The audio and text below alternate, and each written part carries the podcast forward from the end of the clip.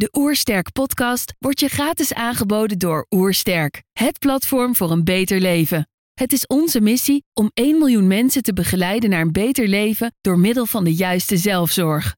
Wil je weten hoe jij kunt werken aan een beter leven? Ga dan naar www.oersterk.nu gezondheidscheck voor onze gratis gezondheidscheck en krijg direct jouw uitslag met persoonlijk advies.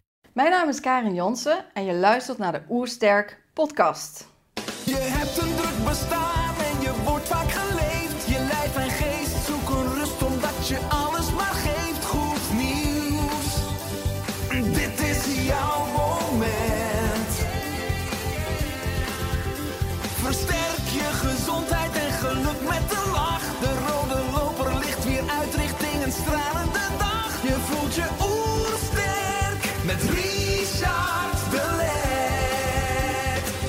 zijn hier in Heemskerk voor een podcast met Karin Jansen. Karin studeerde geneeskunde, maar besloot haar witte jas aan de wilgen te hangen. Ze ontwikkelde de kindigotherapie om de oorzaak van klachten en problemen aan te pakken op fysiek, mentaal, emotioneel en spiritueel niveau. Ze is auteur van meerdere boeken. Ik ben benieuwd naar haar tips voor een beter leven. Trouwens, geniet je van onze podcast? Abonneer je dan en laat een reactie of review achter. Zo help je ons om het gezondheidsvirus te verspreiden. Let's start! De Oersterk Podcast. Een ontdekkingstocht naar een beter leven. Welkom Karin. Dankjewel Richard. Ik lees op de website van je praktijk rust, balans en harmonie. Zijn wie je werkelijk bent. Het mooiste geschenk dat je jezelf kunt geven. Kun je dit toelichten? Ja, dat is voor mij de essentie van het leven.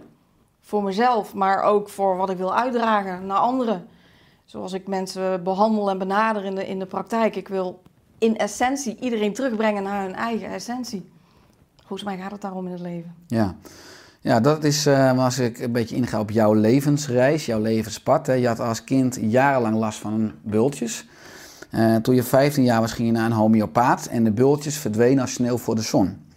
Je brein snapte er niets van, hè, terwijl je met je denken alles wilde snappen. Hoe was dat? Nou ja, toen, toen had ik dat bewustzijn natuurlijk nog helemaal niet. Maar als ik nu terugkijk met de wijsheid die ik dan nu denk te hebben, um, heeft er altijd wel iets gezeten met een enorme passie voor holistische geneeskunde. Dat kon ik toen natuurlijk helemaal niet zo benoemen. En uh, vanaf dat ik twee was en ik kon praten, wilde ik dokter worden. Dus uiteindelijk ben ik dat ook zeker gaan doen. Uh, dus als jij mij vraagt hoe was dat, dan kan ik alleen maar eigenlijk terugkijken en denken, nou daar heb ik eigenlijk helemaal niet meer nagedacht. Ik deed mijn ding en ik wilde geneeskunde studeren en ik ging geneeskunde studeren. Maar dat ging wel gaandeweg wel wringen, blijkbaar. Uh, omdat er dus blijkbaar toch onbewust ergens die passie voor holistische geneeskunde zat. En nog steeds zit. En um, ja, nou goed, dat, dat ben ik ook tijdens mijn studie tegengekomen. Ik vond het trouwens echt een fantastisch mooie studie hoor. Ik zou het zo weer doen wat dat betreft. Uh, maar ja, goed, je krijgt allemaal vakken. Dat weet jij natuurlijk ook. Anatomie, fysiologie, pathologie. Maar ik miste echt het holistische vak. En ook dat kom je in de praktijk dan op een gegeven moment tegen. Als je daar met je witte jas rondloopt en je krijgt bijvoorbeeld uh, ja, tien maagpatiënten. Dan ligt het best wel heel erg voor de hand dat alle tien die maagpatiënten, als je gelukt hebt, hetzelfde merk maagzuurremmer de deur uitgaat. En ik had altijd zoiets van, ja maar waarom? Wat zit erachter? Wat is het verhaal? Wat is het verhaal achter de persoon? Wat is het verhaal achter, waar zit jij mee in de maag? als die tien personen nu bij mij in de praktijk zouden komen, dan, en die zegt, ja, ik heb last van mijn maag, dan zeg ik, die maag heeft last van jou. En we gaan eens kijken waarom je last hebt van je maag. En vanuit een holistische visie gezien, ja, kan dat op verschillende niveaus liggen. Dat kan fysiek zijn, maar ook dat fysieke aspect is vaak een gevolg van het emotionele, het mentale of zelfs het spirituele aspect. Nou, en dat, dat vind ik sowieso heel leuk om als een soort detective samen te gaan zoeken van, nou, waar zit dat? Om het echt in de kern te kunnen oplossen. En dat miste ik heel erg in mijn studie. Ja, dat En dat frustreerde mij uiteindelijk mateloos. En ik, ik, ik, ik weet nog zo goed dat ik uh, interne geneeskunde zou ik gaan doen. En ik kreeg me toch een stel A4'tjes thuis, gestuurd, thuis, gestuurd. En ik dacht, oh, ik ga van alles leren over uh, DD's, differentiaaldiagnoses en hoe dat allemaal werkt. Ik denk, interessant, want ik had altijd wel honger naar hè, naar informatie en hoe het allemaal zat. Nou, ik was totally flabbergasted, want het was echt, eh, weet ik hoeveel A4'tjes met alleen maar medicatie.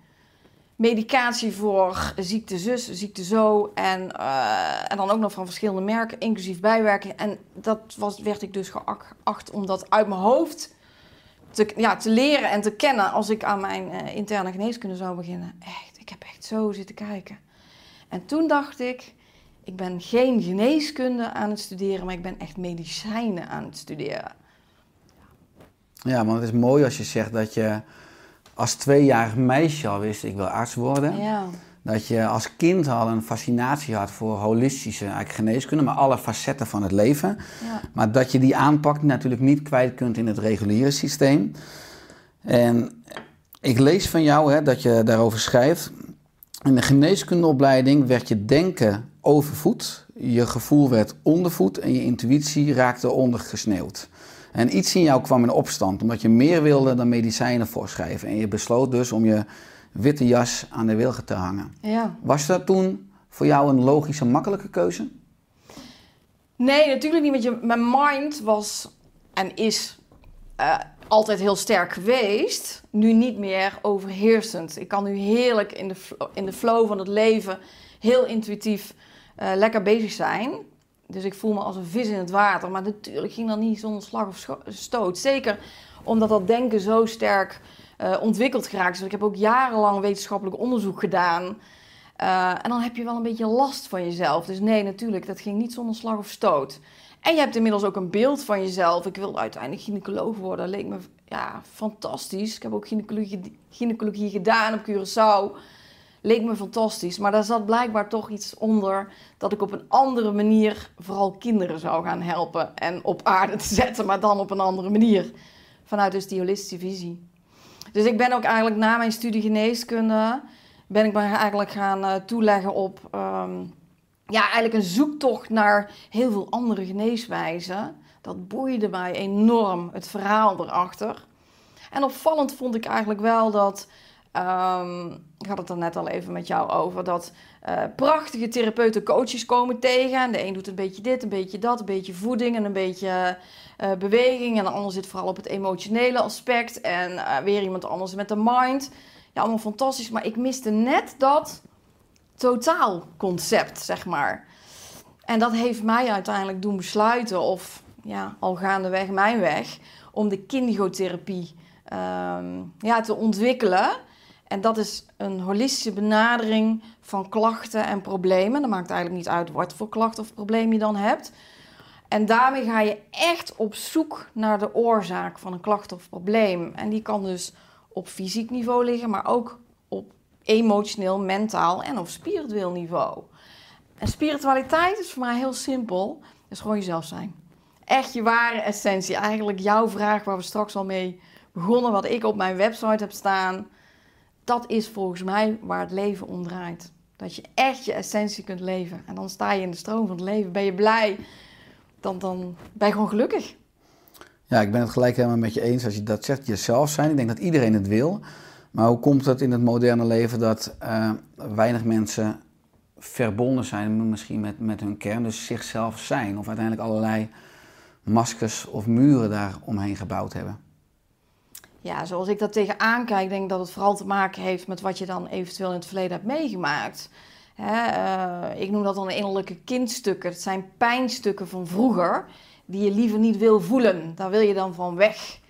En eh mogelijkerwijs dat je ook niet altijd hebt geleerd om heel goed voor jezelf te zorgen. En jezelf de moeite waard te vinden. En daar ligt mijn zinziens ook de basis van alles. Want als je jezelf heel erg de moeite waard vindt, dan durf je ook uit te spreken wat je voelt. En dan durf je ook grenzen te stellen. En durf je ook je hart te laten spreken. Dus alles hangt of staat met die basis.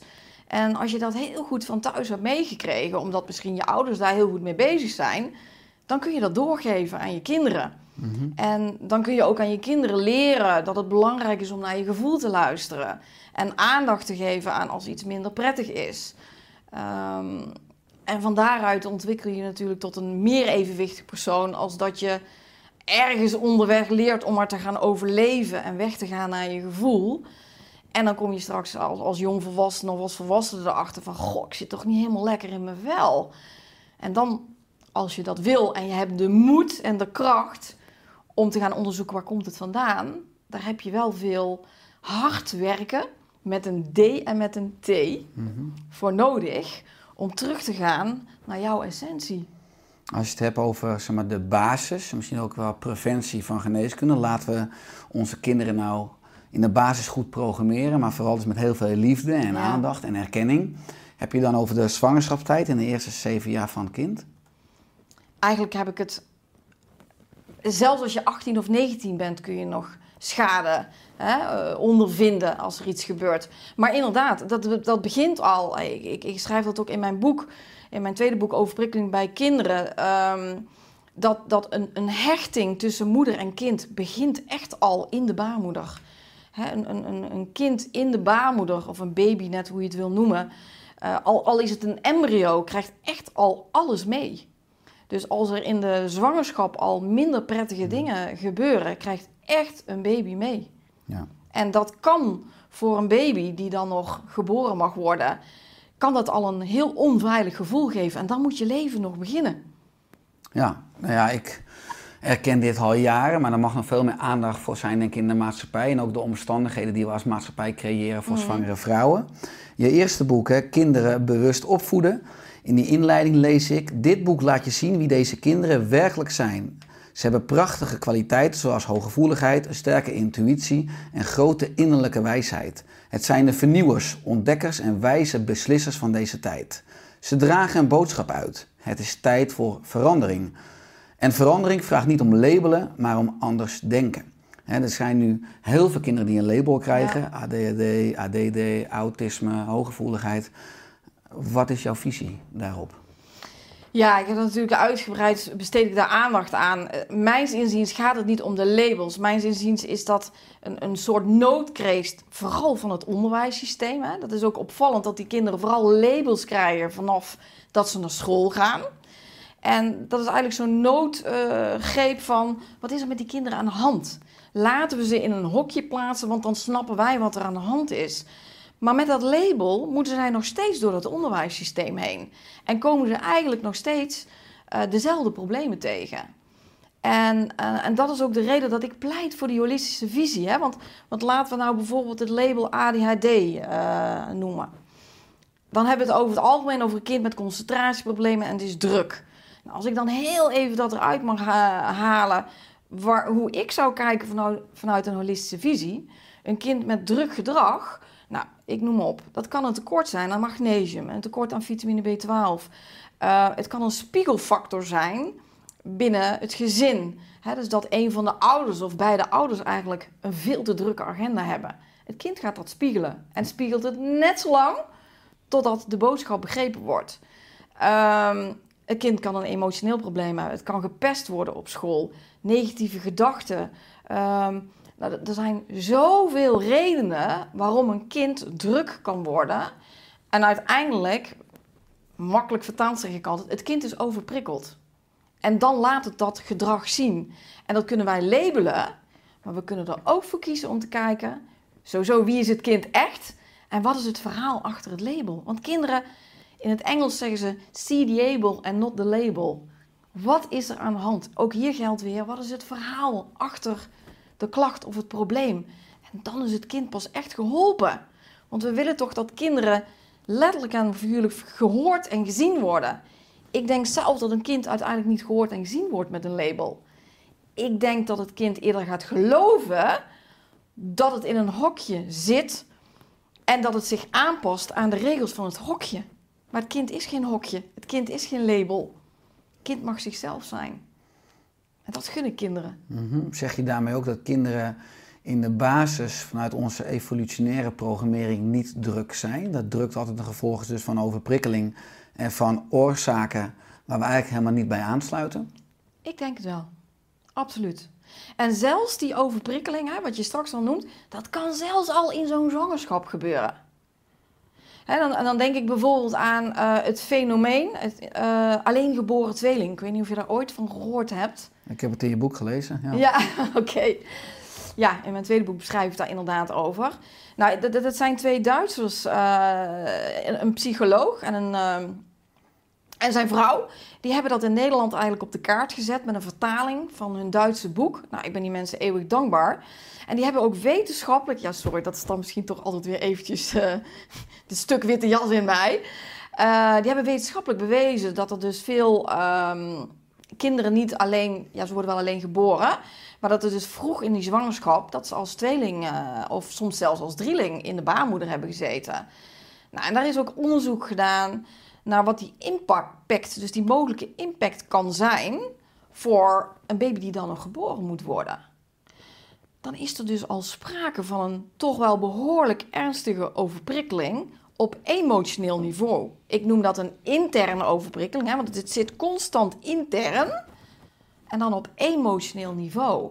Maar dat kan ook men- op mentaal niveau. Dus dan heb ik het over interne overprikkeling op mentaal niveau. En wat ik dan terugzie bij kinderen, maar ook bij volwassenen die dat dus nooit geweten hebben, dat ze een alleen geboren tweeling zijn, dan zit daar onbewust geprogrammeerd op celniveau. Elke cel in hun lichaam trilt op de energie van: Jeetje, ben ik dan nog wel de moeite waard om te leven als mijn broertje of zusje er niet is? Is het mijn schuld? Dat is vaak wat ik zie, vooral bij volwassenen. Het is mijn schuld dat mijn broertje of zusje er dan dus niet meer is. Ja, dat zijn hele eh, ingewikkelde processen natuurlijk.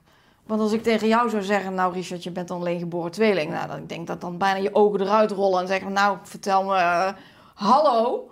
Daar kan je niet meer bij. Dat zit heel diep verstopt. Maar heb ik bijvoorbeeld een, eh, een huilbaby, echt die 24-7 huilt, de ouders totaal ja, op alles gehad hebben in het ziekenhuis.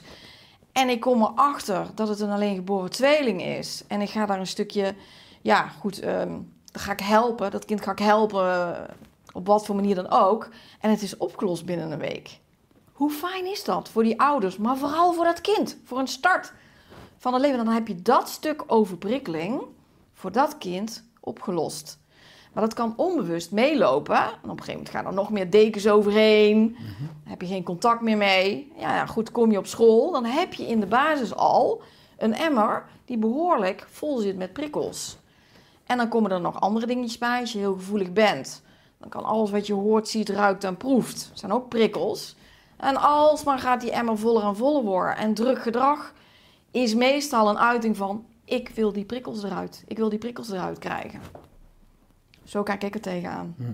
Als mensen luisteren of ons nu zien op YouTube en kijken naar ons. Ja, En zeggen, ja, ik heb ook te maken met, ik heb zelf drukke kinderen. Of mijn kleinkinderen zijn druk. Of ik heb mensen in mijn straat. Of ik heb kinderen in mijn straat die, eh, die enorm druk zijn. Eh, en die vallen op, tenminste daar gaat onze aandacht vaak heen. Je geeft aan bijvoorbeeld dus van die eh, huilbaby's die dus ook een, eh een eengeboren... alleen Alleen geboren. tweeling zijn. Ja, zou kunnen. Eh, maar hoe, hoe zouden ook mensen die drukke kinderen hebben, die kinderen meer in balans kunnen krijgen? Wat zijn daar praktische tips voor in de breedste zin van het woord? Want je reikt enorm van aan in je boeken. Want ja, wat, wat mensen zelf zouden kunnen doen. Ja, Ja, dat, dat, antwoord is niet heel makkelijk. Hè? Want zeker als je natuurlijk op een vlak zou zitten van... goh, een magnesiumtekort. Hè? Dat is een Franse, Franse arts die daar heel veel onderzoek naar gedaan heeft. Naar kinderen, eh, kinderen met ADHD. En die echt een flink percentage kinderen met, het, met suppletie van magnesium... eh, ja, eh, met het gedrag heel erg heeft kunnen helpen. Dat is natuurlijk lastig als ouders zijn om te onderzoeken of dat, eh, of dat het dan is. Omdat er zoveel factoren zijn waar je naar kan kijken. En dan is het ook wel fijn als iemand mee zou kunnen kijken. Maar eh, ja, nou goed, zoals je weet heb ik ook Prikkelstorm eh, geschreven. Dat is een kinderboek, een, een boek speciaal voor kinderen. Maar goed, er zijn ook heel veel ouders die dat fan- fantastisch vinden om te lezen. En denken, wow, die herkennen veel van zichzelf, voor zichzelf. En het mooie is, als je me dat dan zo vraagt, dat als of de kinderen als ze de leeftijd hebben en ze kunnen zelf eh, het boek Prikkelstorm lezen, eh, dat ze heel veel herkennen. En in Prikkelstorm staan ook heel veel oplossingen of mogelijkheden tot van ga eens zelf kijken, gewoon heel op een kinderlijke manier uitgelegd van ga eens zelf kijken waar je rustig van wordt. Want dat druk gedrag is puur al die prikkels. Ik, ik, ik red het niet meer. Ik heb een vol hoofd. Ik moet het eruit schreeuwen. Eh, overigens kunnen ook eh, kinderen daar heel stil van worden als ze overprikkeld zijn. Maar dus, dus dat zou ook een, een, een hulpbron kunnen zijn om erachter te komen, ook voor de ouders, van hoe krijg ik mijn kind weer tot rust. Maar dat vraagt ook over een stukje introspectie van de ouders zelf. Van, ben ik eigenlijk wel rustig? En hoe kan ik zelf rust in het gezin creëren? Een, ik zeg altijd, een kind doet wat hij zijn ouders ziet doen. En als ouders zelf druk zijn en de rust niet kunnen bewaren voor zichzelf, dan is er ook geen rustige basis voor de kinderen. Dus er zijn zoveel factoren waar je inderdaad zelf thuis ook al wel heel veel kan doen. Ja, want veel kinderen zijn uit hun kracht.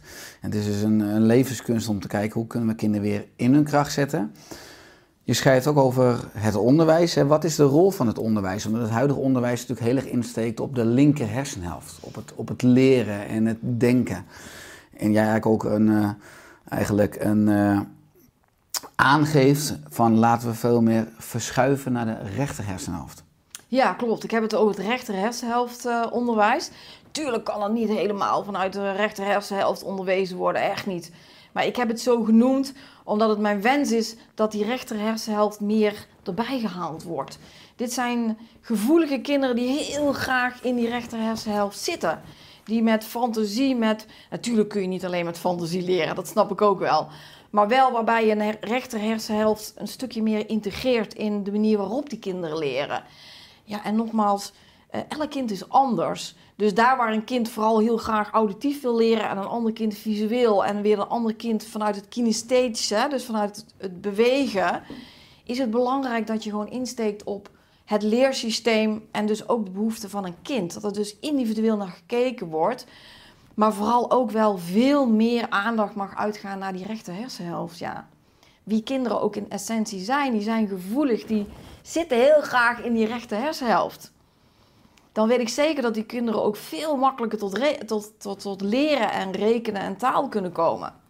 Ja, dus we beginnen al een stapje hoger als we de aankomende basisschoolleerkrachten opleiden. Mag dit eigenlijk al in hun opleiding, maar eigenlijk ook in hun persoonlijke ontwikkeling Ja. tijdens de opleiding. Ja, zodat, eens.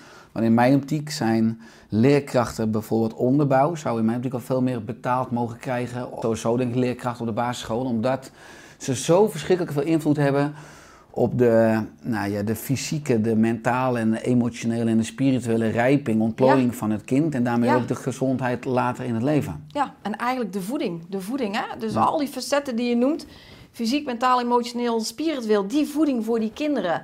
En niet dat zij daar 100% verantwoordelijk voor zijn, absoluut niet. Maar ehm, ik heb ook echt heel veel respect voor de leerkrachten van deze tijd. Want er zijn er ook echt veel, die ontmoet ik ook bij mij in de praktijk, die gewoon afhaken. Die trekken het gewoon niet meer. Eh, omdat ze ook zien dat, dat het klopt niet meer helemaal. Ik denk dat ik nou nog voorzichtig ben helemaal. Eh, en die lopen daar ook tegenaan en dat is jammer. En zij moeten ook veel tijd steken in de kinderen, zoals het genoemd wordt, met de rugzakjes, met die labels. Ze moeten dossiers bijhouden. Hoe fijn zou het zijn, zoals jij zo mooi zegt, dat die leerkrachten juist die tijd zouden kunnen steken in een stukje bijscholing en leren hoe die kinderen in elkaar steken en wat ze nodig hebben.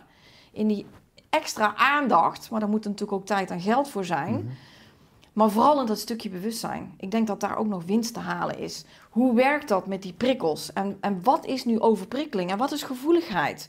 Hè, die kindjes in de klas die zo zitten. Ja, die zitten niet voor, voor niks zo. Dat, dat geeft al zoveel informatie. En daar zijn die kinderen mee te helpen. Mhm. Voor de mensen die de podcast luisteren, je zit met je handen voor je oren. Oh, sorry, ja. Nee, heel goed, heel goed. Maar, ja, want eigenlijk zeg je dus, het onderwijs sluit niet optimaal aan bij de zachtere of subtielere basisbehoeften van een kind. Hè? Dus eh, dat vind ik ook. eh, dat ook als je het hebt over dus de mentale, emotionele en spirituele ontwikkeling van het kind, buiten het cognitieve. Maar dan is dus echt een revolutie nodig in het onderwijs en eigenlijk in de maatschappij. Daar is nog heel veel voor nodig.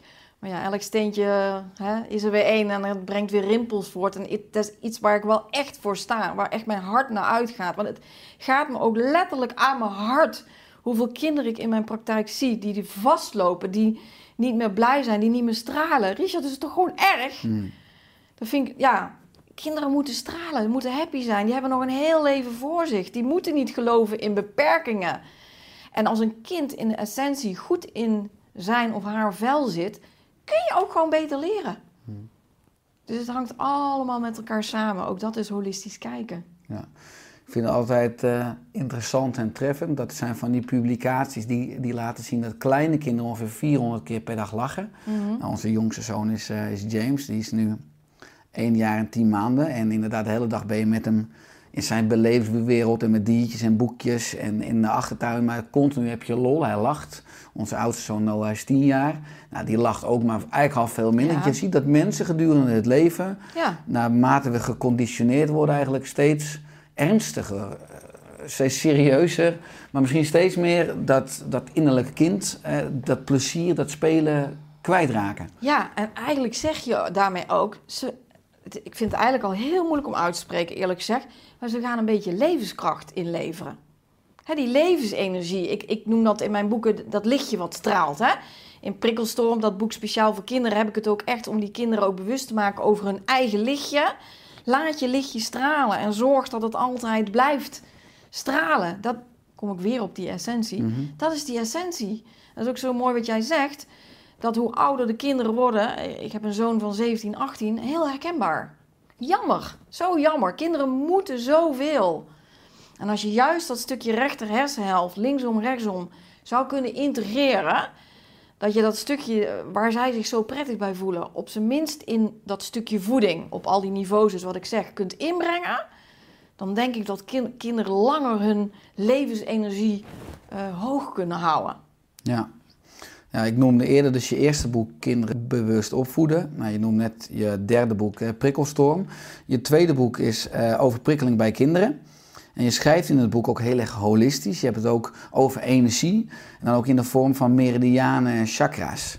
Nu ben ik zelf ook tot kinesioloog opgeleid na mijn opleiding reguliere geneeskunde. Want eigenlijk is materie waarnemen een soort illusie die geschapen wordt natuurlijk in ons brein. Alles is energie, alles is trilling, is vibratie. Eh, hoe kijk jij dus naar energie, ook als je schrijft over meridianen en chakra's?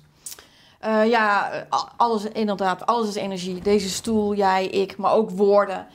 Als ik zeg als ik jou nou, ja, krijg ik niet uit mijn mond, maar als ik jou nou helemaal zou lopen verrot schelden, ja, dat is gewoon geen prettige energie. Dat voel je meteen in je hele lijf. Dat is energie. Hè, dat is ook meetbaar. Je zou dan ook werkbaar aan je spieren kunnen voelen dat je letterlijk geen kracht meer in je lijf hebt. Dat is gewoon eigenlijk een hele simpele letterlijk en figuurlijk test, wat jij ook weer vanuit je kinesiologie hebt geleerd. Dus woorden zijn wapens. Ja, zeer zeker. Dat is een enorme kracht. Maar als ik jou zeg, goh, Richard, ik vind jou lief, ik vind jou mooi, dan is dat meteen een hele fijne energie die binnenkomt. En dat is de kracht van energie. En ehm, ja, de Chinezen, hè, de traditionele Chinese geneeskunde, ja, voor hen is dat gewoon piece of cake. Die, die, die leven, die denken zo. Energie, ehm, wij zijn vanuit onze chakras, we hebben zeven hoofdchakras, inmiddels hebben we er meerdere, maar even uitgaan van die zeven hoofdchakras. Ja, dat, dat zijn eigenlijk een soort basisstations van ons basisenergie. En elke chakra staat dus voor een bepaalde kwaliteit. En, ehm, en ook bepaalde psycho- psychologische eh, kwaliteiten. Hè? Bijvoorbeeld als we het hebben over de keelchakra. Ik wijs nu naar mijn keel voor de luisteraars. Eh, daarmee mag je ruimte innemen voor jezelf. Als je dat niet zo makkelijk vindt om ruimte in te nemen voor jezelf, krijg je dus blokkade op je keelchakra. Dat betekent dat die keelchakra minder goed gaat functioneren. De Chinezen die weten dat al duizenden jaren. Dan kun je dus zomaar stemproblemen krijgen of keelpijn, keelontsteking. Ja, noem het maar op. Dus aan elk chakra is ook nog een orgaan verbonden. Ja, en vanuit onze hè, eh, reguliere geneeskunde, zoals wij dan zijn opgeleid, dan is het van, nou goed, eh, in een heel ongunstig geval, iemand krijgt darmkanker, hartstikke erg natuurlijk. Ehm, daar zit een oorzaak achter. Zo kijk ik daar tenminste eh, tegenaan. Ook dat kan weer op alle niveaus, vind ik dat dat bekeken moet worden. Ook op fysiek niveau. Hè? Hoe kun je darmen gezonder maken? Maar vooral dat emotioneel, mentaal en spirituele aspect, dat mag echt niet vergeten worden. Want natuurlijk, als daar sprake is van, van een darmtumor en een chirurg haalt dat weg, Tuurlijk, als, dat is hartstikke goed en hartstikke fijn en dat zal ook, ook, ook noodzakelijk zijn. En natuurlijk is het de keuze van de persoon zelf en dat is helemaal prima. Maar de energie, dus ik zeg altijd, de lucifer die dan eigenlijk het vuur heeft aangestoken waardoor zo'n tumor ontstaat, ehm, die lucifer is niet weg. Die lucifer, die kan nog steeds eigenlijk, dat is energie. De energie als oorzaak van waar dus in dit geval bijvoorbeeld kanker of reuma, we hebben het nou toevallig over kanker, maar kan ook iets anders zijn. Maar kanker kun je wegsnijden en een, en een ontsteking niet, vandaar het voorbeeld. De oorzaak heb je dan nog steeds niet weggehaald. Zoals, zoals ik er tegenaan kijk. En dat is energie. En dat heeft dan ook weer met die chakras te maken. Dat als er dus een chakra niet goed genoeg functioneert, krijgen uiteindelijk je interne organen minder energie. En het voorbeeld wat ik net gaf van als je dus niet goed genoeg voor jezelf opkomt, want je vindt dat spannend, is een emotie ook, heeft weer met het emotionele aspect te maken. Of het mentale, als je denkt, ja maar ik ben niet de moeite waard, dan hebben we het mentale aspect. En als we dan ook het spirituele aspect erbij mogen halen, hè, je, jezelf zijn en je bent niet helemaal jezelf, dan zul je ook niet voor jezelf op durven komen. Nou, en dan kunnen er dus problemen komen in dat gebied van, van die keel of met je schildklier bijvoorbeeld. Nou goed, dan kunnen we natuurlijk allerlei medicatie gaan geven voor die schildklier. En dat zal in sommige gevallen ook zeker nodig zijn. Maar het emotionele aspect of het eventuele andere aspect is minstens zo belangrijk. Want dat is mijns inziens de voedingbron en dus de energie waar het uiteindelijk om gaat. En dat mag geheeld worden. Is er een soort eh, preventief leefstijlplan hoe we goed voor onze ja, zeven chakras kunnen zorgen? Voor de doorstroming en eigenlijk ook voor ons energielichaam? Ik denk het wel. Want als je dus, ik had het nou toevallig over de keelchakra. En ik denk dat het vooral in essentie over onze eerste chakra gaat. Die zit helemaal onderaan. En die gaat over jezelf veilig voelen en jezelf bestaansrecht geven. Daar zijn we eigenlijk deze podcast min of meer mee begonnen. Met zijn wie je werkelijk bent. Dat is een kwaliteit van de eerste chakra. En je ziet ook door mijn boek heen een, een, rode draad. Dat is mijn, mijn, mijn hartewens om dat mee te geven aan de kinderen, maar ook aan volwassenen. Uh, dat je dus echt jezelf kunt zijn, maar ook jezelf bestaansrecht kunt geven. En als dat niet helemaal lukt, omdat je jezelf nog niet voldoende de moeite waard vindt, dan gaat het dus stroppen in die eerste chakra onderin. Maar als je dan niet jezelf genoeg de moeite waard vindt, zul jij dus ook met je keelchakra niet voldoende jezelf uiten. En dan zie je dus dat het niet goed gaat doorstromen. Dus als jij mij zou vragen van, goh, hoe kan ik dan beter voor mezelf zorgen? Ja, dan zou ik jou wensen dat je werkt aan dat stukje waar denk ik in essentie bij iedereen om gaat. Noem het houden van jezelf, noem het jezelf de moeite waard vinden. En als we dat met z'n allen zouden doen, dan zou, uh, zou het voor de kinderen ook veel makkelijker zijn. Want dan hoeven ze maar mee op de basis van de ouders. Ja, precies. Want dan leef je het wel voor als ouder en een kind neemt dat over. Ja, die neemt het over. En toch hebben we allemaal amateurouders die met beste... Ja, die het beste met, met de kinderen voor hebben. Maar toch, we maken allemaal soms uh, foutjes of er is stress Ja. of er zijn voor kinderen soms wat traumatische inslagen. Vooral in die cruciale periode als kinderen klein zijn. En er is ook steeds meer aandacht voor early life stress, hè, dus stress in het vroege leven. Ja. De Nederlands-Amerikaanse psychiater Bessel eh, van der Kolk, die zegt terecht... Het trauma's laten in het lichaam diepe sporen na. En hij vindt het onbegrijpelijk dat aanraking, beweging en verbeeldingskracht uit de meeste therapieën zijn verdwenen. Ja. Nou, nu hebben we allemaal in onze kindertijd minder leuke dingen meegemaakt. Maar hoe kunnen we dit weer in balans krijgen? Zodat we uiteindelijk ook vanuit dat eerste chakra weer veel meer van onszelf houden en onszelf in de wereld durven te zetten. En bedoel je dan voor de kinderen of voor de volwassenen of allebei? Eigenlijk beide. Eigenlijk hebben we allemaal een innerlijk kind. Ja, eens. Ehm, ja, nou ja, goed. Dat, dat, dat is dus hard werken. Wat ik zei straks, zowel met een T als met een D. Maar vooral hard met een T. Dat je dus heel lief wordt voor jezelf. Maar het ook onder ogen durft te komen. De pijn en het verdriet. En dat wil helemaal niet zeggen dat je urenlang, dagenlang op een of andere sofa moet gaan liggen. En eh, door al die pijn heen. Ik geloof daar niet zo in dat dat hoeft. Maar het wel onder ogen durven komen. Het doorleven en het kunnen durven loslaten. Ehm, maar ook natuurlijk aan je mentale eh, werken, je gedachten ook daarover. Want je hele denken bepaalt ook heel veel natuurlijk van hoe je je voelt. Ja, en, en nogmaals, er is ook heel veel moed en kracht nodig hè, om zo aan jezelf te kunnen werken. Maar eh, ik geloof altijd dat er nog een oplossing is. Dat je dit niet de rest van je leven hoeft mee te nemen. En andersom, als je kijkt als, eh, als het om volwassenen gaat, eh, sorry, als het om kinderen gaat, dan kan het ook zijn dat het kind het naar de ouder spiegelt. Eh, een, mooi voorbeeld vind ik altijd een kind eh, wat, wat, wat bijvoorbeeld gepest wordt op school. Dat kan, ik zeg niet altijd hoor, maar dat kan ook zijn dat een van de ouders vroeger gepest is geweest op school. En dat dat zo eigenlijk weer eh, cyclisch terugkomt. Eigenlijk als uitnodiging aan de, aan de ouder van ga even opnieuw toch nog naar kijken. Je bent volwassen en je denkt allemaal dat je dat allemaal goed hebt opgelost. En dat hoop, dat hoop je natuurlijk uiteindelijk ook. Maar als er nog iets zit, dan kan het kind het zo moeten spiegelen.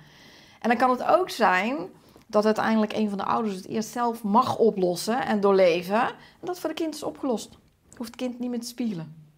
Zo makkelijk kan het soms ook zijn. En als je het hebt over het doorleven, bedoel je dan het doorvoelen van de emoties zodat ze kunnen stromen? Of is daar een oefening voor als mensen luisteren of kijken die zeggen, oei, dat is ook een thema in mijn leven. Hè? Hoe kan Ja. ik op dit gebied weer iets vrijer worden? Ja, er zijn natuurlijk heel veel eh, methodes en therapieën. En ik vind het altijd heel belangrijk dat degene die ik dan voor me heb, of dat geldt nu ook voor de luisteraars, dat je echt naar iemand toe gaat waar je punt 1 een heel goed gevoel bij hebt. Dat is heel belangrijk. Maar ook een, een, een therapie, dat kan een psycholoog zijn.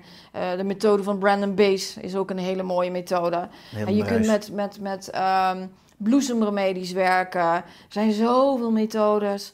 Maar ook hierin is het zo belangrijk van doe iets wat bij je past en wat goed voelt. Om inderdaad die emoties te doorleven. En de een die wil hartstikke hard gaan huilen. En de ander wil gaan schreeuwen. De ander wil met een mattenklopper gaan rammen. En de ander kan, eh, kan al heel erg uit de voeten met een bloesemremedie. De ander doet een innerlijke reis, eh, hè, volgens Brandon Base. Ja, er zijn zoveel mogelijkheden. Ja, dus dat Als je ook- maar naar jezelf luistert. dat is altijd maatwerk. Ja, Ja. vind ik wel. Als je het hebt over kinderen, over opvoeden of over voeden, hè, want dat, dat zit er beide in. Ja. Eh, voeding, gezonde voeding voor kinderen komt ook terug in je boek. Wat is in jouw optiek gezonde voeding voor het kind in ontwikkeling? Ja. Ja, dan moet ik het even een klein beetje algemeen houden. eh, om dadelijk eventjes daar een, eh, nog iets over te zeggen.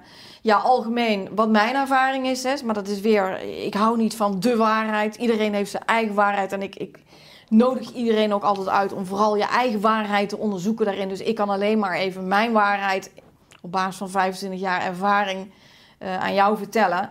Wat ik gewoon heel vaak zie is dat eh, melkproducten, dan heb ik het over de koemelkproducten, eh, bijna altijd een probleem vormt. Zeker met kinderen met longproblemen. Hè. Het, het maakt het slijm dikker. Geldt ook voor het darmslijmvlies, dus ook kinderen met darmproblemen. Maar overal die melkproducten, dat, dat zie ik toch wel vaak dat dat een probleem geeft. Dat geldt natuurlijk ook voor suiker, voor de E-stoffen, de geur, kleur en smaakstoffen. Ehm, dat zijn eigenlijk wel basisdingen. Ja, ik hoef natuurlijk nog niet over koffie en alcohol. Dat geldt van vaak voor de volwassenen. Je schrijft ook over plastic. Ja, dat zijn natuurlijk ook dingen. Gezond water drinken. Dus het liefst niet water uit de kraan, maar gezuiverd water zou het meest ideaal zijn. Maar ook daarin zie ik weer, eh, want ik kijk ook altijd naar persoonlijke voedselintoleranties. Ook daarin is het weer, je kan niet zeggen, alle kinderen kunnen, ik noem maar wat, geen een paprika niet verdragen. Dat zie je ook weer zo mooi als je kinderen behandelt. De een kan juist niet tegen een komkommer. Nou, dat kan je niet bedenken. Een komkommer zou je denken is gezond. Maar dat kan voor dat kind op dat moment net niet zo zijn. Dus daarom is het geen makkelijk antwoord, of het is wel een makkelijk antwoord, maar niet een antwoord geldend voor iedereen. Ook dat is weer een maat of een maatwerk voor, eh, voor een kind, zoals ik er tegenaan kijk. Ja, want ik zie in je boek, je vond het heel leuk, een hele pagina staan met een kindermenu eh, met zielsvoeding. Ja. En dan heb je eigenlijk verschillende gangen. Het basisgerecht is liefde. Het voorgerecht is samen zijn, aandacht krijgen, in verbinding gaan. Het hoofdgerecht is gezien worden, gehoord worden, begrepen worden, erkend worden. En het toetje is bestaansrecht. Staat dit menu, dit kindermenu zielsvoeding, staat het steeds meer onder druk? Ik denk, ik denk het wel. Zeker bij kinderen van deze tijd. Dat, eh, en dat is eigenlijk al, dat, dat zie je eigenlijk aan de labels die eigenlijk al als paddenstoelen uit de grond eh, komen. Ik zie het als een noodkreet eh, dat juist al deze kinderen eh, in de problemen zijn en in de problemen komen. En, en, maar vooral ook ouders die wanhopig zijn, want die willen natuurlijk het beste voor hun kind. En uiteindelijk, als we het dan weer hebben over het eerste chakra, gaat het om hun bestaansrecht. Als kinderen niet worden gezien in wie ze in essentie zijn, gaat het altijd over dat eh kindermenu zielsvoeding, gaat het altijd om hun bestaansrecht. Als ik dat zo mag samenvatten. Ja, want ik heb ook enorm begrip voor heel veel jonge ouders. Want ik vind de moderne tijd, ik ben ook jonge ouder natuurlijk, uitdagender dan ooit. Hè. We hebben ook misschien een beetje een maatschappelijke matrix, maar we kopen een huis. Vaak is het nodig dat we daarvoor beide werken. Natuurlijk zijn dat al keuzes, maar je kan ook op een huurflat blijven wonen. Hè. Dat herken ik ook. Eh, maar er zullen misschien ook mensen zijn die luisteren en die zeggen... ja, ik probeer mijn kind op te voeden en ik het beste nou ja, eh, vanuit mijn hart. Hè.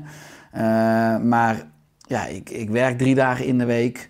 Uh, en als ik soms hoor van waar je kinderen uit allerlei dingen waar je ze maar op kan letten, ja, moet ik dan maar spreken in een hutje op de hei gaan wonen? Dus hoe kan je nog met enigszins balans tussen moderne mens en oermens, vanuit kinderen alles geven wat ze nodig hebben, hoe kan je daar balans in vinden?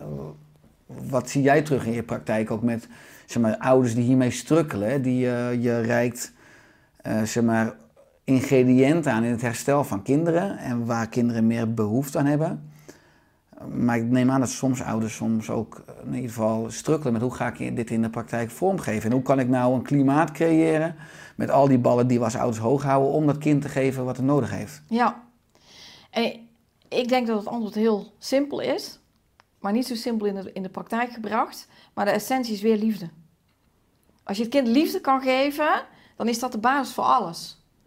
Maar dan kom je natuurlijk weer op een, op een lastig punt. Daar heb je ook uh, tijd voor nodig om met het kind tijd door te brengen en aandacht te geven. En daarmee wil ik niet zeggen dat ouders dat niet, niet doen.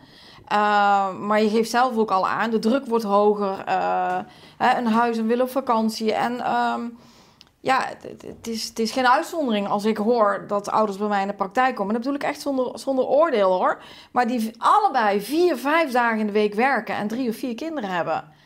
En ik eh, als jonge ouder, nou goed, ik weet niet of jij het beaamt, maar het is bijna een, dag, een dagtaak om één of twee kinderen hè, te, op te voeden. Dus je vraagt van jezelf als jonge ouder ook al heel veel. En waar zit het dan eigenlijk heel snel in? Gebrek aan tijd voor jezelf. Dan wil je het allemaal heel goed doen voor je kinderen. Maar uiteindelijk kom je zelf in het gedrang qua tijd voor jezelf. En ook dat gaan kinderen dan op een gegeven moment spiegelen. Want jij, nee, niet jij persoonlijk, maar de persoon, de jonge ouder, sorry. De jonge ouder loopt over. En het kind gaat dat spiegelen. En dan komen daar de problemen. Je wil het nog beter gaan doen. En, en op school gaat het niet goed. En uh, ja, dan, dan, dan kom je in een neerwaartse spiraal terecht. En dan kom je uiteindelijk uit op: ik heb meer tijd nodig voor mezelf. En dan kom je op het woord rust. Want in de rust, dat geldt ook voor de kinderen, kom je weer bij jezelf. En als je bij jezelf komt, kom je weer bij liefde. De liefde voor jezelf. Dus het heeft ook te maken met het inplannen van de rustpunten in je agenda. Absoluut. De meeste mensen plannen alleen maar hun inspanningsactiviteiten Ja. in de agenda. Dus gewoon Ja. ik-tijd of tijd, met je kinderen inplannen. Ja. Ja. Van de week eh, zei ook iemand zo tegen mij, schrappig dat je dat zo zegt, ja. Eh, die zei van, ja, en dan zet ik 's middags om twee uur in mijn agenda dat ik tien minuten mediteer. En dan, dan zeg ik, nou ja, supergoed. Maar laat het alsjeblieft een way of living worden. Niet dat je eraan moet denken om tijd voor jezelf te nemen. Het mag een way of living dus integreren. Dat het gewoon op één staat. Hart voor jezelf op één. Dus hart met een T. En als je dat, en dan kom ik dus weer uit op liefde. Als jij jezelf vanuit liefde op één zet. Maar dan maak ik weer de vertaalslag naar die eerste chakra. Als je als jonge ouder echte aandacht kunt geven aan jouw eerste chakra, van ik mag er zijn, dan betekent dat ook dat jij op tijd aan de bel trekt bij jezelf van ik ben overprikkeld, ik ben te moe, ik blijf maar doorhollen. Ik heb het nodig dat ik rust en tijd neem, want dan heb ik mezelf lief. En dat is de mooiste boodschap die je ook aan je kind kunt meegeven. Dat als, als je kind later op kamers gaat, die zegt, ja nee, eh, ik moet niet veel in mijn agenda plannen, want eh, het is wel belangrijk dat ik goed voor mezelf zorg. Ja, mooi dat je het als ouder al voorleeft. Dat is het beste voorbeeld. En Ja, ook heel mooi dat je zegt dat overprikkeling van kinderen uh, al een signaal kan zijn eigenlijk uit de hele familieopstelling. ja, Kleine kinderen die worden wat groter, die worden puber. Uh, en de puberteit uh, heeft natuurlijk kinderen met een puberbrein. Dat schrijf je ook over in je boek. Uh, hoe kunnen we in deze puberfase goed op het kind aansluiten? Ja, dat is een hele klus, die eh, puberteit. Ik heb het stuk ook als ervaringsdeskundige kunnen schrijven. Dan heb ik denk ik nog een hele makkelijke puber in huis. Ehm er gebeurt inderdaad van alles in dat puberbrein. Ehm het heeft vooral met die prefrontale cortex te maken. Dat zit voor eh, in je hersenen. En die is absoluut niet gerijpt. Dat, dat, dat, die rijping is in volle gang. Maar het, het, het, het eh, minder makkelijke in die puberteit is dat er een gebiedje voor die prefrontale cortex is die volop in ontwikkeling raakt, waarbij er toch een bom hormonen vrijkomt en die eigenlijk gereguleerd zou moeten worden door dat deel, die prefrontale cortex, en daar ontbreekt het dus aan. Dus het worden een soort ongeleide projectielen, die pubers. En ehm, de kracht als ouder zit er eigenlijk in dat je eigenlijk als een soort onzichtbare chauffeur ehm, de leiding blijft houden over zijn prefrontale cortex. Daar zit de kracht eigenlijk in. En wat ik heel belangrijk vind, dat je altijd in verbinding kunt blijven met je puber. Ook als je het niet altijd eens bent. En de puber moet echt de ruimte voelen dat hij thuis wel kan aankloppen. Eh, ik denk dat dat wel de belangrijkste ja, basisvoorwaarden, voor zover wij eh, over basisvoorwaarden kunnen praten, maar dat het wel hele fijne basisbehoeften zijn. Ehm, voor de puber om te ervaren en voor de ouder om daar veel energie in te steken. En eh, hoe doe je dat concreet als je puber vanmiddag thuis komt en zegt van ik ga vanavond uit en het wordt waarschijnlijk tot één uur en dan eh, blijf ik ook bij mijn beste vriend slapen. Misschien wel bij mijn beste vriendin slapen. Ik denk als ouder van ho, ho, ho, ho. Dat, eh, en hoe ben je dan eventueel die onzichtbare prefrontale cortex? Ja, nou ja, goed. Het hangt natuurlijk ook heel erg van je puber af, wat voor soort puber je, eh, je hebt. En, en wat voor contact hè, in die communicatie. Ja, je hebt de pubers die gewoon totaal eh, helemaal geen grenzen meer respecteren. Ja, dan kan je nog zoveel hoog en laag springen, maar dan heb je het gewoon het nakijken natuurlijk. Eh, dan, dan wordt het lastig. Dat is gewoon zo. Ik kan hier nou wel een of andere toverspreuk gaan zitten uitspreken, maar lastig.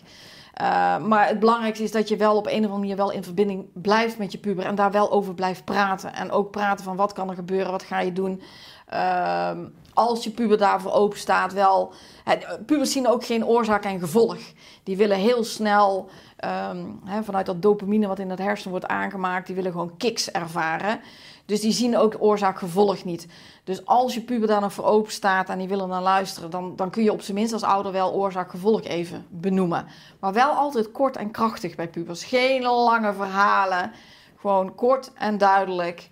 Uh, ja, en in verbinding blijven. Ja. Maar nogmaals, de ene puber is de ander niet. Dat ook is maatwerk. Ja, ja, ook dat is maatwerk. Ja. Als je het hebt over al jouw activiteiten, je werkt een aantal dagen per week in je praktijk. Nou, je hebt, bent auteur, nu drie boeken, je geeft lezingen, workshops. Hoe hou je zelf balans in jouw leven? Heel makkelijk. Inmiddels, hè, ook door, uh, nou ja, door schade en schande. Ja, ik weet niet, op een of andere manier uh, kan ik dat heel goed uh, reguleren. Ik weet niet of dat het goede woord is. Maar iedere keer vanuit hart voor mezelf, mezelf op één. Dus niet vanuit egoïsme, maar puur vanuit constant eigenlijk die introspectie. Maar dat is echt een way of living geworden. Dus het is niet een kunstje hè, van... Oh, nou is het 12 uur en dan moet ik even kijken hoe het met me staat. Nee, dat is eigenlijk een heel goed contact met mezelf.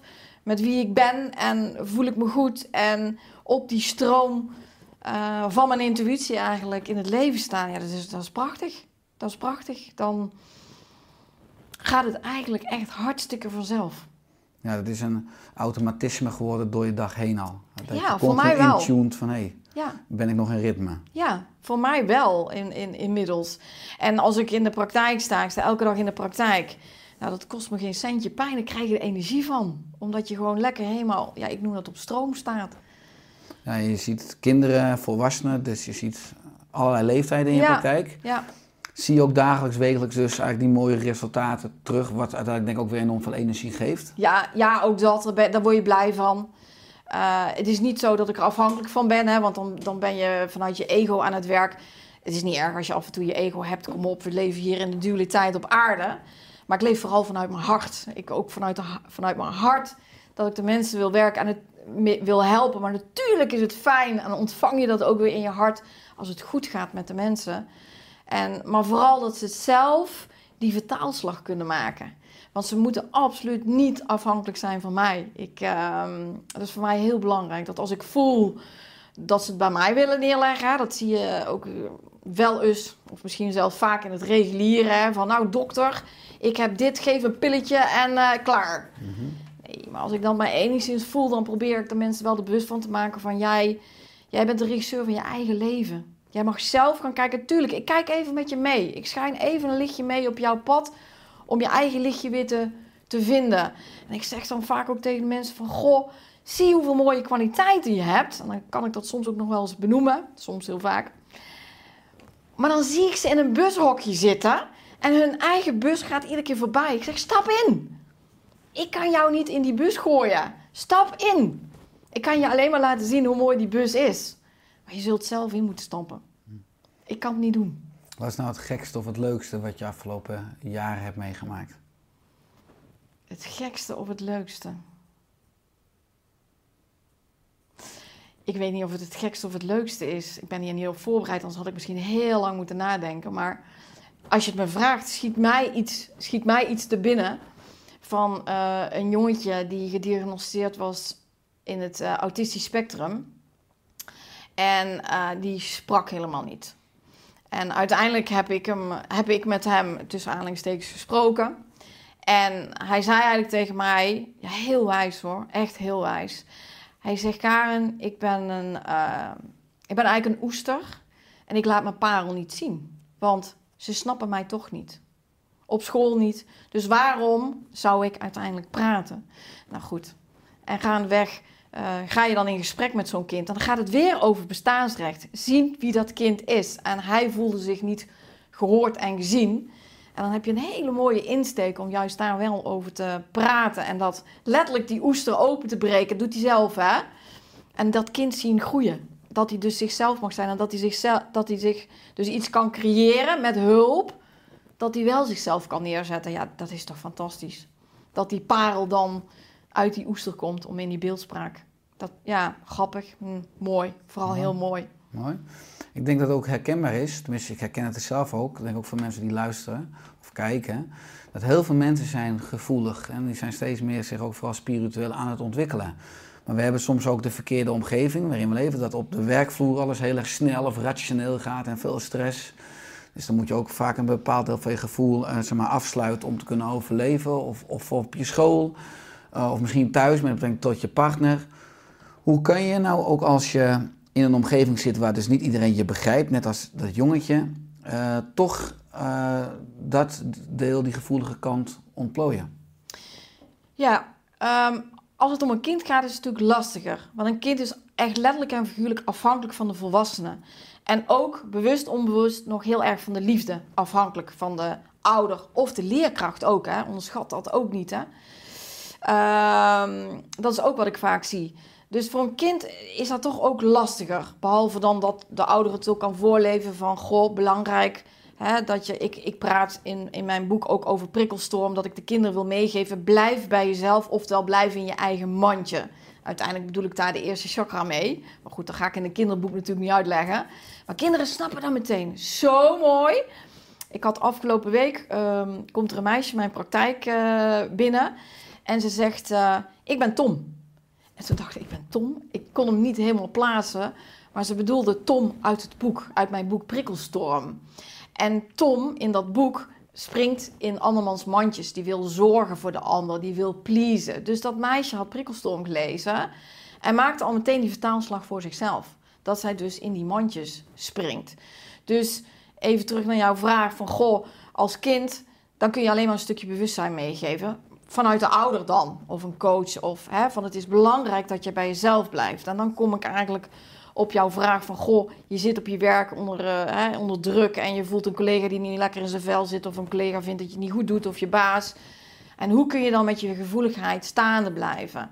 Nou, kom ik weer terug op je bestaansrecht en je eerste chakra, want weet je, hoe meer jij van jezelf houdt, hoe minder jij je aantrekt van wat een baas vindt van jou.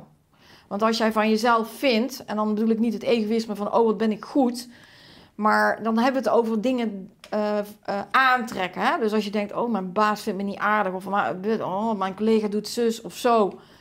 Als jij vindt van jezelf dat je oké bent, zul je dat ook veel minder snel opmerken. Puur omdat je jezelf oké vindt en je dus in je kracht staat. En dan zeg ik, dan wordt je gevoeligheid of hooggevoeligheid, dan wordt je kracht. En als je iets signaleert en je denkt, ja, het is niet van mij, het hoort niet bij mijn mandje, dan kun je het ook bij een ander laten in zijn of haar mandje. Dus alles hangt of staat weer met jouw stukje bestaansrecht, wat jij jezelf toedicht. Mooi. Wat ik zeg, je hebt drie boeken nu op je naam staan. Wat is je droom of je missie voor aankomende jaren? Dat vind ik een leuke vraag. Want ik heb met zoveel plezier en met hart en ziel die drie boeken geschreven. Ik was helemaal niet van plan hoor, Richard, om ooit een boek te schrijven. En toen ik acht jaar geleden mijn eerste boek schreef... Ja, je weet zelf hoe het is misschien, hè? Toch hoe, hoe het is om een boek te schrijven. Ik heb gezegd na mijn eerste boek, nooit meer. Herkenbaar, ja. En ik had het mezelf ook niet makkelijk gemaakt. Full color, uh, hè, ehm, alles erop en eraan. En uiteindelijk in de flow van het leven ontstaat dan in één keer twee boeken dit jaar hè, uitgebracht, waarvan mijn kinderboek uh, Prikkelstorm ook nog een geheugenspel uh, bij hoort. Uh, en nog een set coachingskaarten. En daar geef ik dus Prikkelstorm workshops bij om dus Prikkelstorm coaches op te leiden, zodat zij weer kinderen kunnen helpen. Maar ook inderdaad wat je straks zegt, die leerkrachten om die bewust te maken van wie zijn kinderen van deze tijd, wat hebben ze nodig, zie wie ze zijn. Uh, en wat zou mijn wens nou zijn? Uh, het zal zich uiteindelijk wel weer ontvouwen in de stroom van mijn leven. Um, maar ik zou het zo gaaf vinden als elk kind zou mogen opgroeien met prikkelstorm. En niet omdat het mijn boek is, want al was het jouw boek geweest, zou ik ervoor gaan. Dat kinderen leren hoe ze in elkaar steken. Kijk, dat wij al het een en ander weten over prikkels, wil nog helemaal niet zeggen dat kinderen het snappen. Hè? Dat denken we dan vaak van, oh, dat kind snapt het wel. Maar een kind snapt vaak niet dat het in één keer agressief of boos wordt of hele deuren uit, uit, uit een huis slaan. Ik, maak, ik zie van alles in de praktijk. Hoe fijn is het als kinderen snappen waar het vandaan komt? En dat er verschillende soorten prikkels zijn. Hè? Dus via de zintuigen, daar heb ik het dus in prikkelstorm over. Trouwens ook in mijn andere boeken, maar dan in kindertaal. Dat kinderen gaan snappen dat je last kunt hebben van harde geluiden. Maar ook van ik zie van alles, ik hoor, ja, dat had ik het al over. Ik voel van alles. Dat kinderen sferen aanvoelen. Um, maar ook interne prikkels. Een kind wat gepest wordt. Dat zit intern. Een totale overprikkeling. Het is fijn als dat bespreekbaar gemaakt kan worden voor het kind. Maar dat het kind zelf ook snapt. En dat dat dus verschillende soorten prikkels zijn waar een kind last van kan hebben. En dan vervolgens ook die vertaalslag van wat kun je krijgen van overprikkeling. Hè? Dat bespreek ik dan ook in Prikkelstorm. Met allemaal kaartjes met picto's erin, zodat kinderen dat kunnen herkennen. Kijk, het ene kind wordt juist heel stil, het andere kind gaat ruzie maken.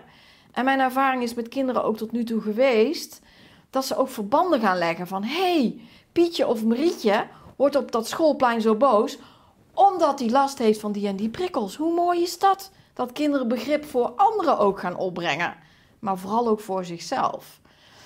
En, um, maar dan ook die hulpbronnen die ik dus aanboor in prikkelstorm. Dus dat kinderen zelf gaan kijken, wat heb ik nodig om dus weer te ontprikkelen. En dat is voor elk kind weer anders. Ja, als jij me dan vraagt, wat zou een wens zijn, dan is dat een wens. Dat ik denk van, wauw, dat kind... Maar dan kom je ook weer uit op mijn uh, kindermenu zielsvoeding dat kinderen begrepen worden. En hoe mooi is dat als we er met z'n allen weer een stukje kunnen bijdragen. Jij op jouw manier, ik op mijn manier. En hè, voor de prikkelstormcoaches die dit gaan vinden en dit hun weg vinden, dat ik hun daarin weer mag begeleiden, zodat zij, zodat zij weer anderen kunnen helpen. Nou, dan zijn we toch samen in verbinding iets heel moois aan het doen. Mooi, absoluut. Is er aan het einde van de podcast nog iets anders wat je graag wilt toevoegen? Nou, volgens mij hebben we al zoveel dingen in essentie uh, gezegd. Um, nou ja, misschien een boodschap voor de luisteraar. Dat ik, dat ik, dat ik gewoon eh, zou wensen dat, dat een ieder die luistert uh, trouw wordt of blijft uh, aan zichzelf. En dat je echt gaat voor de beste versie van jezelf. En dat je never nooit genoegen neemt met minder. En dat is het mooiste, het allermooiste wat je je kind kan geven. Mooi, er zit er geen punt achter, maar een uitroepteken wat mij betreft. Oh, dat is mooi gezegd. Uh, je hebt drie boeken, ik zei het al. Uh, kinderen bewust opvoeden. eh, over prikkeling en eh, prikkelstorm. Eh, je geeft lezingen, workshops. Waar kunnen mensen nou meer vinden over je praktijk, over je boeken, over je diensten? Oh, ehm, nou via de... eh, elke titel van mijn boek heeft ook een eigen website. Dus kinderenbewustopvoeden.nl, over prikkeling bij kinderen.nl en prikkelstorm.nl. Ik heb ook een eigen praktijksite, renascor.nl. Dat is niet een hele makkelijke naam, maar Renascor schrijf je met een C. Renascor.nl. Uiteindelijk via een van mijn websites kom je altijd wel ergens bij mij eh, terecht. Denk ik zeker. Mooi. Dank je wel voor je komst in de Oerstek podcast. Ja, Richard, jij heel erg bedankt dat ik hier gewoon mocht zijn. Ik ben je dankbaar dat ik dit podium mocht krijgen, maar vooral voor de kinderen. En ook voor jouw kinderen. Zo is dat heel graag gedaan met liefde. En laten we samen nog eh, zorgen voor een wereld met eh, enorm krachtige kinderen die, eh, die verbonden zijn met hun eigen kern. En dat we samen het mooiste van onszelf de wereld inbrengen. Prachtig, mooi samengevat. Dankjewel. Dankjewel.